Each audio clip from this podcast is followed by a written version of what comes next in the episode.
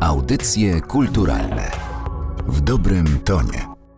To są audycje kulturalne, podcast Narodowego Centrum Kultury przy mikrofonie Aleksandra Galant. Dzisiaj mam przyjemność mówić do Was z Krakowa, z budynku, w którym niegdyś przed laty mieściło się kino Światowit i ten budynek nadal zachował taką, powiedziałabym, trochę kinową strukturę. Ten budynek w niedalekiej przyszłości przejdzie gruntowną modernizację, ale na razie ciągle czuć tutaj duchę epoki, o której w Muzeum Nowej Huty się opowiada. Mam przyjemność gościć tutaj za sprawą niedawno otwartej wystawy, która poświęcona jest buntowi, buntowi w muzyce. I o tej wystawie więcej opowie jej kurator, pan Zbigniew Semik, który zgodził się nas dzisiaj po niej oprowadzić. Witam w audycjach kulturalnych.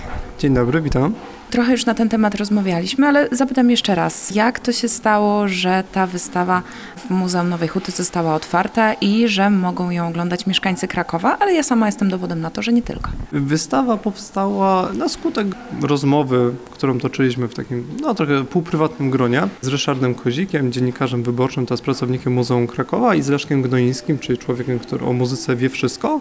Organizowaliśmy jeszcze w Muzeum PRL-u, które istniało tutaj przed Muzeum Nowej Huty spotkania z różnymi muzykami czasów PRL-u. No i po jednym z tych spotkań zaczęliśmy rozmawiać o tym, jak wyglądał bunt w tej muzyce, w jaki sposób muzycy w tym czasie gwarantowali sobie wolność, jakich sposobów używali, na jakie były też granice kompromisu z władzą, prawda? Czy można było być sobie takim niezależnym, wolnym atomem, czy trzeba było no, troszkę się czasami ugiąć, żeby móc tworzyć. Tak powstała wystawa. Czytam na tablicy, która znajduje się naprzeciwko mnie, że to jest podróż w czasie i przestrzeni śladem perelowskiego muzycznego buntu i obszarów wolności, na kształt których wpływała muzyka. My znajdujemy się już w przestrzeni, gdzie niegdyś była sala kinowa, ale wydaje mi się, że ominęliśmy przynajmniej jeden fragment, mianowicie zdjęcia, które znajdują się jeszcze przed wejściem na samą wystawę. Przed samym wejściem na wystawę znajdują się dwa wielkoformatowe zdjęcia, które pokazują dwa główne wątki, które przewijają się przez wystawę, czyli pokazujemy muzyków jazzowych, którzy biorą udział w turnieju jazzowym w Nowej Hucie w latach 50. Oni są tacy eleganccy, uśmiechnięci, trzymają swoje instrumenty dęte w rękach.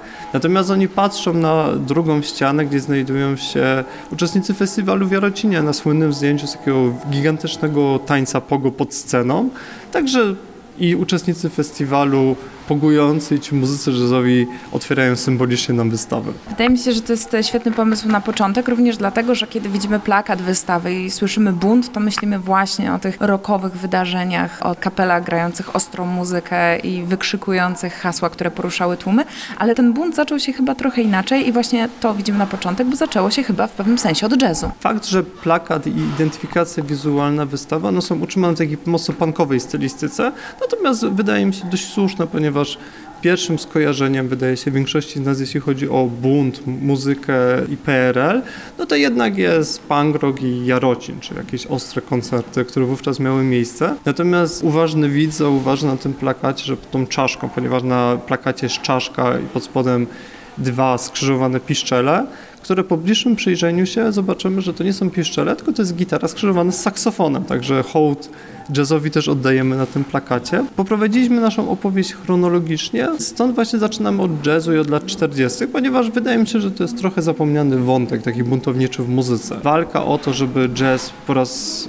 kolejny wyszedł na powierzchnię i wyemancypował, no to jest ciekawa opowieść z przełomu lat 40. i 50., ponieważ w latach 40. czy pod koniec lat 40. jazz był nacenzurowany. Była to muzyka, która była jednoznacznie kojarzona z amerykańskimi kapitalistami, naszymi wrogami. Zgniłym zachodem. Ze zgniłym zachodem, oczywiście. Więc muzyka zgniłego zachodu raczej nie powinna być grywana w miejscach takich bardziej oficjalnych.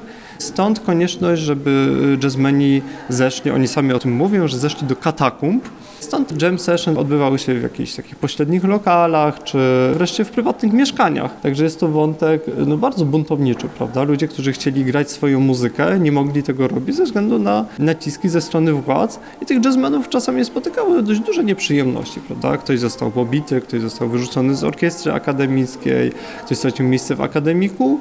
No nie są to jakieś bardzo ciężkie represje, natomiast jest to spora liczba dużych nieprzyjemności, które mogły spotkać kogoś, kto grał jazz. jazz. Na fragmencie wystawy, która właśnie tę historię opowiada, znajdują się reprodukcje plakatów z odezwami, telegramów i na jednym z nich czytamy precze z rozbijaczami jedności robotniczo-chłopskiej. To właśnie jazzmeni. Ta część wystawy jest poświęcona troszkę wcześniejszemu czasowi, ponieważ paradoksalnie represje, które spotykały jazzmenów, czy tą muzykę jazzową, one nie datują się od 45 roku, czy 44, kiedy komuniści są instalowani w Polsce tak naprawdę siłą, tylko był taki okres mniej więcej do 49 roku, gdzie ten jazz mógł być swobodnie grany i dlatego mamy na początku wystawy taki kolaż różnych odezw propagandowych, które przed chwilą zostały przytoczone, ale też plakatów z występów jazzowych. Do momentu, kiedy w Polsce nie zaczęto wprowadzać socrealizmu, który nie dotyczył tylko muzyki przecież, też architektury, malarstwa, literatury, bardzo wielu dziedzin życia kulturalnego, jazz mógł być grany swobodnie i co może wydawać też się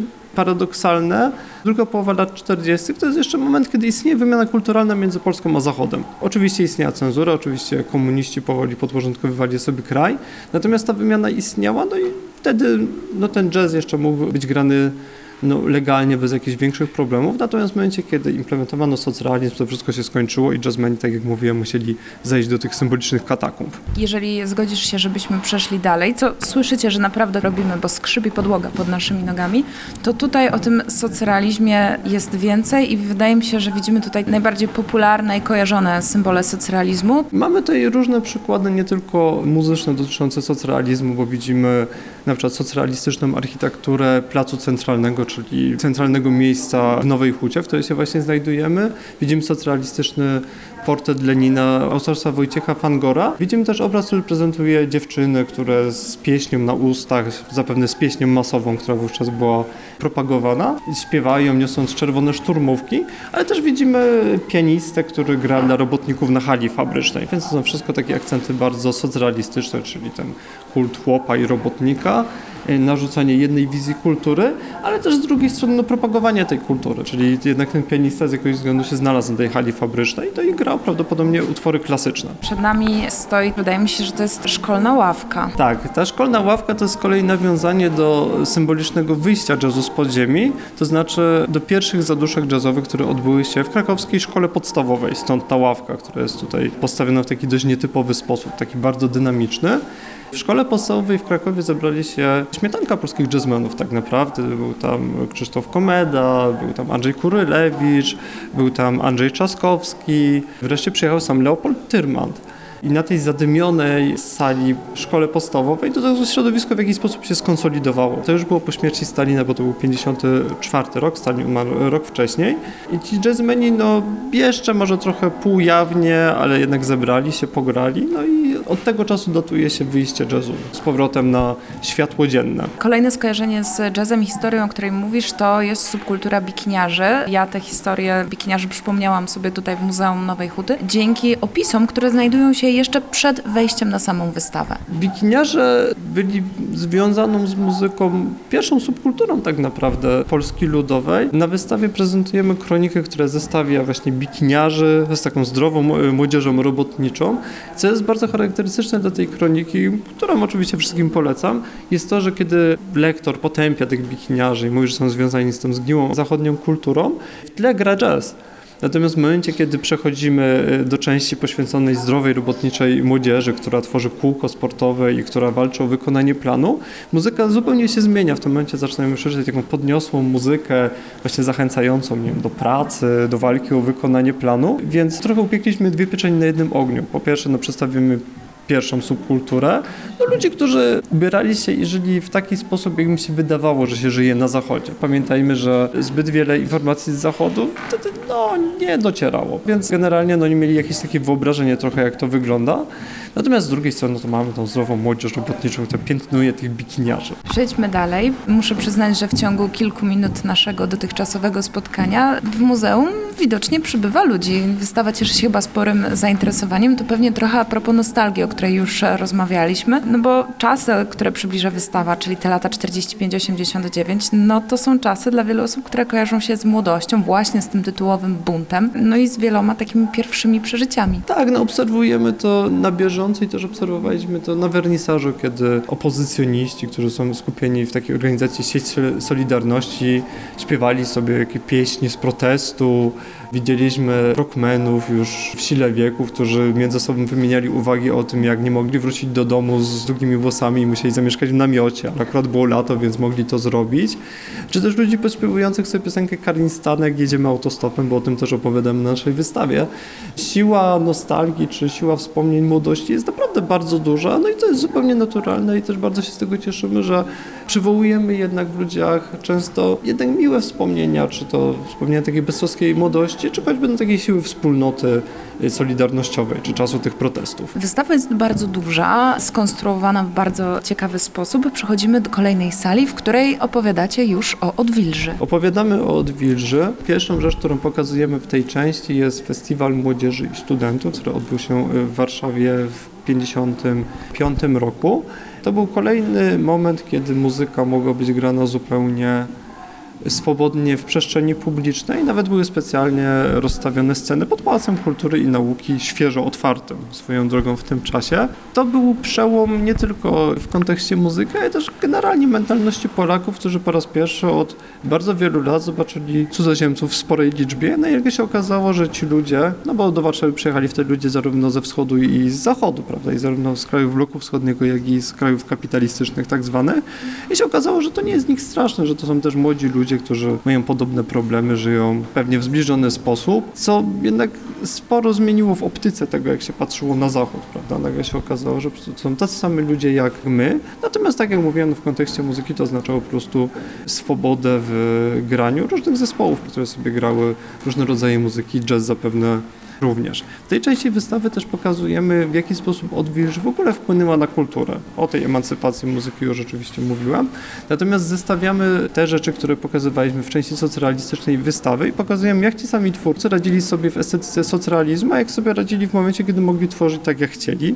Stąd widzimy projekt małżeństwa Ingardenów, którzy projektowali plac centralny w Nowej Hucie, ale też widzimy zdjęcie tak zwanego bloku szwedzkiego, nowochódzkiego, który już jest projektem modernistycznym. Także ci sami ludzie ludzie, którzy wcześniej stawiali takie budynki narodowe w formie socjalistyczne w treści, mogli swobodnie sobie budować budynki w formie modernistycznej. Te miejsca, o których mówię, to dzieli paręset metrów tak naprawdę w Nowej Hucie. Pokazujemy też obraz optartowy Wojciecha Fangora. Zupełnie inny od portretu, który mijaliśmy kilka minut temu. Tak, rzeczywiście. No już nie jest to takie malarstwo przedstawiające konkretną personę, w tym przypadku Lenina, tylko widzimy piękny optartowy obraz w zupełnie innej estetyce, natomiast na artystce jest dokładnie ten sam, więc taki uwolniony z tych okowów socrealizm mógł wreszcie tworzyć, no tak jak chciał tak naprawdę. Moją uwagę jako radiowca przykuwa to, co pojawiło się dokładnie na wprost nas, to znaczy wystawa starych, myślę, że już zabytkowych w jakimś sensie radioodbiorników. Pokazujemy te radioodbiorniki celowo,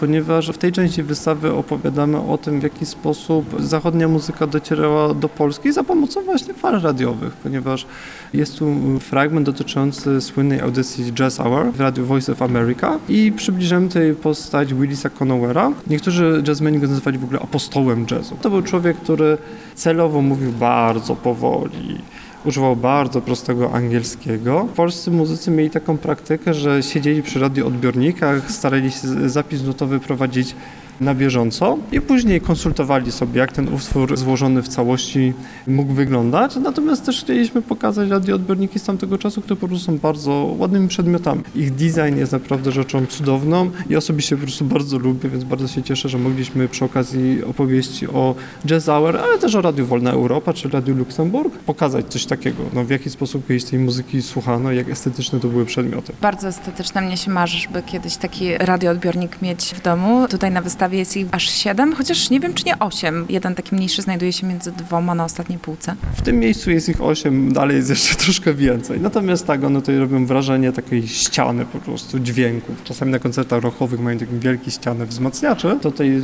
troszkę powtórzyliśmy ten motyw, ale używając tych pięknych radioodbiorników.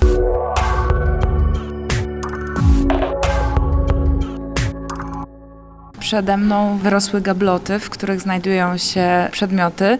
Pierwszy, jaki widzę, to jest trąbka, trąbka należąca do Andrzeja Wojciechowskiego. To jest bardzo ciekawy instrument należący do muzyka zespołu Melomanii bardzo fajnego, rozpoznawalnego zespołu jazzowego tego czasu, w którym grały same sławy tak naprawdę. Trąbka Idona jest o tyle ciekawa, że jest składakiem. Jest to trąbka, która została zespewana z dwóch instrumentów, co dowodzi pewnej nędzy sprzętowej tamtego czasu. W drugiej gablocie z kolei pokazujemy pucharek, który zdobył zespół Krzysztofa Komedy na pierwszym festiwalu muzyki jazzowej w Sopocie, który też był przełomem, ponieważ Wtedy nie dość, że ten jazz grano zupełnie otwarcie i za aprobatą władzy oczywiście, no bo w Polskiej Rzeczpospolitej Ludowej mało było takich rzeczy, na których władza by nie trzymała swojej ręki. Ten festiwal był o tyle charakterystyczny, że otwierała go wielka taka parada nowoorleańska, bardzo spontaniczna, co z perspektywy lat 50. jest rzeczą zupełnie unikalną, ponieważ wówczas, kiedy przechodziły parady przez miasto, czy pochody przez miasto, no wszystko było zorganizowane. Nie było tak, że ludzie sobie po prostu szli samopas i krzyczeli co chcieli. Wręcz przeciwnie. Stąd to był taki przełom prawda, że nagle ludzie niosąc jakieś abstrakcyjne rysunki na transparentach, grając na instrumentach, przejechali przez miasto to takich rzeczy raczej się wtedy nie widywało. Inną rzeczą, którą tutaj pokazujemy, czy innym wydarzeniem, które tutaj jest prezentowane, był pierwsze powojenne wybory Miss. To się nazywało konkurs Miss Sopot, który zgromadził nieprzebrane tłumy. Wyglądało to tak, że pierwsze miejsce, które było przygotowane na te wybory, zostało stracowane przez publiczność, więc y, ostatecznie dziewczyny, które brały udział w tym konkursie, musiały się wspinać po drabinkach na takie małe pawiloniki przy molo w Sopocie. No i jeśli spojrzymy na zdjęcia prezentowane na wystawie, no to na plaży w Sopocie nie dało się szpilki wcisnąć, ponieważ wszyscy bardzo chcieli zobaczyć, jak taki konkurs może wyglądać. Oczywiście mówię to cały czas z perspektywy lat 50. W mojej opinii teraz wybory miejsc to jest absolutny obciach, prawda, no i prezentowanie czy sprzedawanie ludzkiego ciała. Nie jest to rzecz, którą ja bym osobiście akceptował, natomiast znowu no, pokazujemy rzeczy, które miały miejsce ponad pół wieku temu. Warto też na to spojrzeć z perspektywy ludzi, którzy wtedy mieli z tym styczność, jako z taką rzeczą zupełnie nową. Magia nowości pewnie także działała. Kątem oka wychwyciłam już pierwsze sygnały, że przechodzimy do części, która odnosi się bezpośrednio do tytułowego buntu w systemie, czyli rock and roll i big beat. Wydaje się, że rock jest właśnie pierwszym skojarzeniem, natomiast całą wystawą staramy się udowodnić, że jednak przed rokiem coś jednak było, prawda? Czyli był ten jazz, o którym troszkę y, porozmawialiśmy wcześniej. Tutaj opowieść rozpoczynamy od pierwszego zespołu, który się definiował jako zespół rock and rollowy, czyli to był zespół Rhythm and Blues, który został stworzony pod wpływem wydarzeń w czasie drugiego festiwalu jazzowego z 57 roku, bo tam występował pierwszy muzyk rockowy. No i ci młodzi chłopcy, którzy widzieli występ tego rockowca, no sami stwierdzili, że warto by założyć taki zespół i on został założony z pomocą Franciszka Walickiego, który teraz jest nazywany ojcem chrzestnym polskiego rocka. Więc Franciszek Walicki w jakiś sposób tym posterował i doprowadził do pierwszego występu tego zespołu, który swoją drogą grał tylko covery tak naprawdę. Jeszcze nie wypracowali swojego repertuaru. Ich pierwszy koncert odbył się w klubie Rudy Kot w Gdańsku. No i ówczesna prasa pisała, że dźwięki rozsadzały ściany, stynk się sypał dookoła. Natomiast też na wystawie prezentujemy oryginalny wzmacniacz tego zespołu, który nie robi takiego wrażenia, jakby mógł rozsadzać ściany i sypywać stynk ze ścian. Natomiast no, takie były przekazy ówczesnej prasy. Natomiast ten zespół, on był trochę taką kometą, która szybko zleciała i potem szybko zgasła, ponieważ osobą, która zakończyła karierę tego zespołu był Edward Gierek, czyli człowiek, który był pierwszym sekretarzem Komitetu Wojewódzkiego wówczas PZPR w Katowicach, który powiedział, że nasza młodzież uczy się i pracuje, raz w tygodniu chciałaby kulturalnie wypocząć, nabrać sił do dalszej nauki i pracy. Nie interesują nas wynaturzone mody, nie chcemy rozwydrzenia i rozpasania. Przyjmijcie zatem do wiadomości, to była rozmowa, którą Edward Gierek przeprowadził z Franciszkiem Walickim, że wasz wczorajszy koncert, odnosił do koncertu w Katowicach, był ostatnim występem waszego zespołu. Czyli Edward Gierek zainterweniował bezpośrednio. Tak, no on się odnosił do tego, że bardzo często młodzi ludzie, no tak, no po pierwsze reagowali bardzo entuzjastycznie na nową muzykę, po drugie była taka sytuacja w Warszawie, że ci młodzi ludzie po prostu wybiegli na ulicę i krzyczeli jazz, Presley, mambo rock, domagając się właśnie dostępu do takiej muzyki. No i oczywiście jak to w PRL-u zainterweniowała milicja, która ich rozproszyła. Więc no nie budziło to zachwytu władzy, mówiąc oględnie. Stąd historia tego zespołu trwała dość krótko, natomiast on bardzo szybko przepoczwarzył się w zespół czerwono-czarny, bo w zasadzie w dniu, kiedy Blues został oficjalnie zamknięty, czy zakończył działalność, zaczął działalność zespół Czerwono-Czarni. To jest zespół już tak, wydaje mi się, że szerzej znany, który zrobił większą karierę i więcej po sobie zapewne pozostawił. A ja mam pytanie, dlaczego odruchy protestu są, czy były słabe, jak głosi plakat, który znajduje się na wystawie przed nami? Stoimy przed obrazem Jadwigi Sawickiej, słabe odruchy protestu z kolekcji Mocaku Krakowskiego Muzeum, ponieważ wydaje się nam, że wraz powstaniem Czerwono-Czarnych, a potem pierwszego festiwalu młodych talentów w Szczecinie, trochę ten bunt przygasł. Polska młodzież zaczęła śpiewać polskie piosenki, te piosenki się ugrzeczniły. Warto zwrócić uwagę, że artyści wówczas nie pisali sobie tekstów, tylko muzykę czy teksty dla młodzieży pisali dorośli tak naprawdę, więc trudno porównać piosenkę Mamo kup mi jeansy z tekstami Rolling Stonesów na przykład. Więc to są jakieś dwie zupełnie inne rzeczy. Natomiast z drugiej strony ci młodzi ludzie żyli w określonym państwie, które no, nie pozwalało na takie rzeczy po prostu. Stąd y, ten obraz słaby odruchy protestu, no i właśnie troszkę takie odejście od tej tematyki buntu, który wydaje się, że trochę wtedy przygasł. I przechodzimy do podtytułowych przestrzeni wolności na wystawie. Przed nami wyrasta festiwal muzyczny w Jarocinie. To też jest doświadczenie bardzo wielu osób. Muszę się przyznać, że moje także, chociaż to już był inny Jarocin. Ten najważniejszy czas już chyba był za tym festiwalem, a co nie zmienia faktu, że do dzisiaj pamiętam koncert kultu grającego 30 najważniejszych piosenek z okazji 30-lecia istnienia zespołu. Tutaj zaczyna się strefa dotycząca festiwalu w Jarocinie, natomiast te przestrzenie wolności jeszcze są trochę przed nami. Przechodzimy do tej części takiej absolutnie alternatywnej i znowu buntowniczej. Natomiast w miejscu, w którym stoimy, znajdujemy się na prywatce. A to jest wszystko kwestia nostalgii, o której przed chwilą rozmawialiśmy, bo mnie się ten mój Jarocin przypomniał, jak tylko zobaczyłam plakat, zobaczyłam flagi, zobaczyłam napis. Mnie też się przypomniał, bo też miałem przyjemność być raz na festiwalu w Jarocinie. No i słyszałem te wszystkie kultowe piosenki Desertera, który grał ten repertuar, który również grał w latach 80. No i jeszcze no, parę ciekawych kapel tam wówczas występowało i wspominam to bardzo dobrze. Wracając do tych przestrzeni wolności, może wrócimy. Mhm. Mówimy o takich rzeczach, które są, no właśnie, jakby trochę stopień niżej niż bunt, prawda? Czyli taka wolność towarzyszy ludziom, którzy sobie tańczą na prywatce przy takiej muzyce, do której chcą tańczyć. Co było szczególnie ważne w latach 50., bo wtedy też zabawy były organizowane. No to nie było tak, że sobie spontanicznie się bawiliśmy tak, jak chcieliśmy, tylko zawsze to musiało pod jakąś tam kontrolą. Mówimy też o autostopie, który był tematem, który przewijał się w twórczości muzyków, czy w jakiś sposób też przez muzyków był promowany. Na tym pierwszym festiwalu Festiwal Młodych Talentów, o którym już mówiłem, no to wzywano po prostu na plakacie, że przyjeżdżajcie autostopem do nas.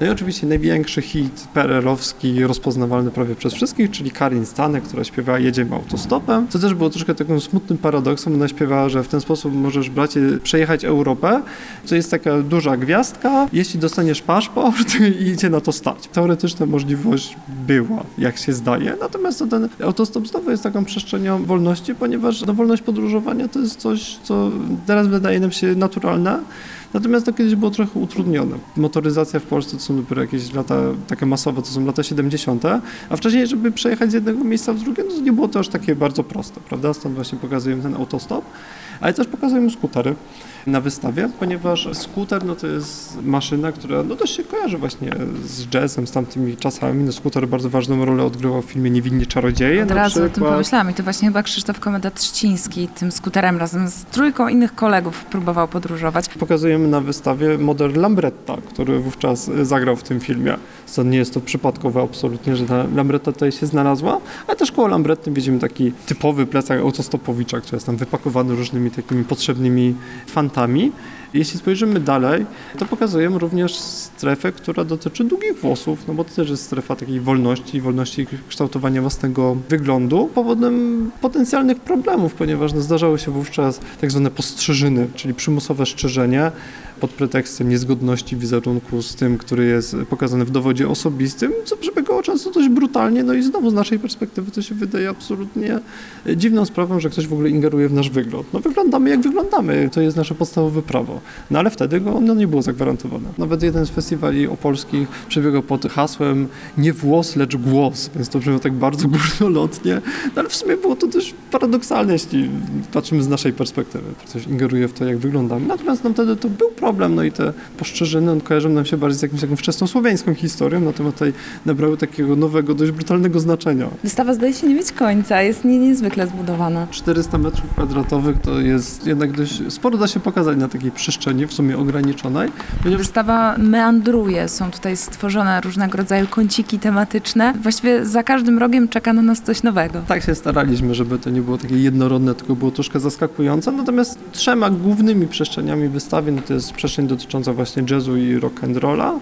Potem są to przestrzenie wolności wspomniane, o których mówiliśmy przed chwilą.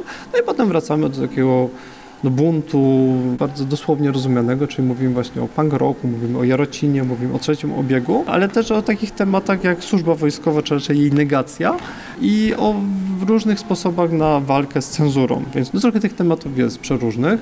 Może zatrzymamy się przy scenie, którą nazwaliśmy System Babylon, ponieważ to jest opowieść o tym, jak punk rock w Polsce powstawał, i o tym, w jaki sposób on bardzo szybko pojawił się na całym świecie, prawda? On się w zasadzie pojawił równocześnie w Stanach Zjednoczonych i Wielkiej Brytanii, bardzo szybko przeszedł do Polski i padł na bardzo podatny grunt, ponieważ w Polsce wówczas też trwał kryzys ekonomiczny. Mówi się też o tym, że instrumenty w Polsce były tak kiepskiej jakości, że ten punk rock już tak naturalnie wszedł polskim muzykom, bo nie była to bardzo trudna muzyka do zagrania. Mówimy też tutaj o tym systemie Babilonie, ponieważ to są bardzo tożsame pojęcia. Jeden z nich pochodzi z kultury punk rockowej, drugi z kultury regowej, czyli to jest jakaś, jakaś opresja, która nas otacza, czy to opresja państwowa, jak w przypadku Polski, czy ten system komunistyczny. Natomiast, natomiast często elementem tego systemu też byli rodzice, czy też byli nauczyciele. Stąd właśnie przywołujemy punk rock. Pokazujemy też taką strefę, w której mówimy o tak zwanym trzecim obiegu, ponieważ pierwszy obieg to jest obieg oficjalny, cenzurowany, drugi obieg kojarzy nam się z opozycją głównie solidarnościową i tym samizdatem czy bibułą. Natomiast trzeci obieg, no to już są takie rzeczy związane bardzo z alternatywą i bardzo mocno w tym trzecim obiegu możemy zaobserwować ten nurt y, do it yourself. Samo się nie zrobi po prostu. Jeśli nasze państwo nie gwarantuje tego, co jest nam potrzebne, a czasami to są proste rzeczy, nie wiem, czyżby na przykład koszulki z nazwami zespołów, które trzeba sobie własnoręcznie wyrabiać, no to trzeba się po prostu wziąć w garść i zrobić to samemu. Pokazujemy też bardzo ciekawe zjawisko, czyli ziny, czyli to są gazetki, które czasami luźno się trzymały zasad ortografii, estetyka była no taka dość no, często była dość wątpliwa. Natomiast to jest zjawisko, które miało bardzo szeroki zasięg, ponieważ te ziny były o tematyce muzycznej, ekologicznej, anarchistycznej. I rzeczą, którą pokazujemy na wystawie, to są makiety zinów, czyli coś, od czego te ziny odbijano. To był zin akurat autorstwa Krzysztofa Grabowskiego z zespołu Deserter, który wydawał przez jakiś moment zina Azotox. Ziny możemy zobaczyć, bo one były no, kolportowane i bardzo dużo kopii tych zinów powstało. Natomiast pokazujemy makiety, czyli coś, od czego ten zin powstawał. I też prezentujemy przeróżne przygody jak w ogóle można było wydać tego zina, bo kserokopiarki to była rzecz, która podlegała cenzurze. To nie była taka rzecz, że idziemy sobie, kopiujemy to, co chcemy. No teraz to już w ogóle drukujemy sobie po prostu wszystko i, te, I to jeszcze w 3D. I to jeszcze w 3D, więc mentalnie i czasowo to jest bardzo odległa perspektywa. Przywołuję na przykład wspomnienie Jarosława Szubrychta, któremu odbicie jego zina załatwił jego ojciec, który poszedł na komendę milicji i za butelkę wódki u swojego kolegi załatwił, żeby ten zin został odbity, no bo kopiarki milicyjne nie podlegały cenzurze. Czy też sam e, wspomniany Krzysztof Grabowski, który załatwił to chyba u swoich kolegów w Almaturze, którzy też mieli kserokopiarkę. Także to są problemy, które z naszej perspektywy są w ogóle dość dziwne po prostu i niespotykane. Natomiast to było wtedy bardzo realna rzecz. Także zaistnienie w tym trzecim obiegu też wymagało trochę operatywności, znajomości umiejętności znalezienia się w sytuacji. Wydaje mi się, że mimo tego, że wystawa zdawała się nie mieć końca, to do niego powoli docieramy. Trochę na pożegnanie znowu widzimy czaszkę, którą widzieliśmy wcześniej na plakacie i znów te piszczele pod spodem nie są takimi tradycyjnymi piszczelami. W tekście kuratorskim wspominamy o problemach z poborem do wojska lidera KSU i lidera AC Drinkers, stąd w oczach tej czaszki znajdują się płyty właśnie tych dwóch zespołów. No i pod spodem mamy kule, ale nie kule karabinowe, tylko kule, którym się podbierano w momencie, kiedy były jakieś problemy z nogami, no, żeby też nawiązać do tego, że często muzycy samo się okaleczali, żeby nie iść do wojska. Na przykład lider KSU podejmowano y, wysiłki, żeby mu złamać bark. Natomiast no, Siczka okazał się mężczyzną o bardzo solidnej budowie ciała i to się w końcu nie udało. Sama wystawa y, nie kończy się na służbie wojskowej, tylko sama wystawa kończy się na wycieczce do współczesności. To znaczy prezentujemy utwory czy teledyski do utworów, które albo mają PRL-owskie y, korzenie, czyli pokazujemy teledysk do piosenki Jeszcze będzie przepięknie, w nowej wersji zaśpiewanej przez zespół Dagadana. Pokazujemy również klip Zdechłego Osy Spytaj Policjanta, co jest bardzo jasnym nawiązaniem do piosenki Spytaj Milicjanta zespołu Deserter. Powiedzieliśmy dużo, właściwie Zbyszek powiedział bardzo dużo. To wydaje mi się, że najcenniejsze będą takie własne wrażenia. Ja myślę, że nawet jak skończymy rozmowę, jeszcze chwilę tutaj zostanę, dlatego zachęcam Was do tego, żeby Kraków Muzeum Nowej Huty odwiedzić i zobaczyć wystawę Bunt w systemie Przestrzenie Wolności 1945-1989, której kurator Zbigniew Semik był dzisiaj Waszym i moim gościem. Bardzo Ci dziękuję za tę rozmowę i to spotkanie. Dziękuję również, bardzo było miło. Audycje kulturalne w dobrym tonie.